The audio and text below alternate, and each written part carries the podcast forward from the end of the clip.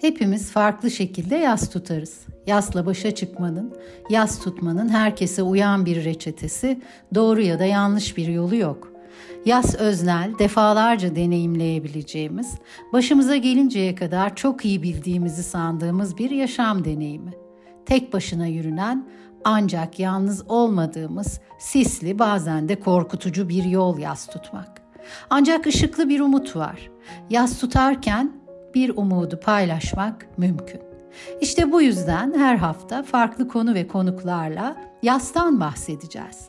Ayrıca zaman zaman sizden gelenleri de konuşacağız. Deneyimlerinizi mail olarak gönderebilirsiniz. Bu podcast'te paylaşmaktan mutluluk duyacağım. Kaybettiğimiz sevdiklerimizin anısına saygıyla. Yakında görüşürüz.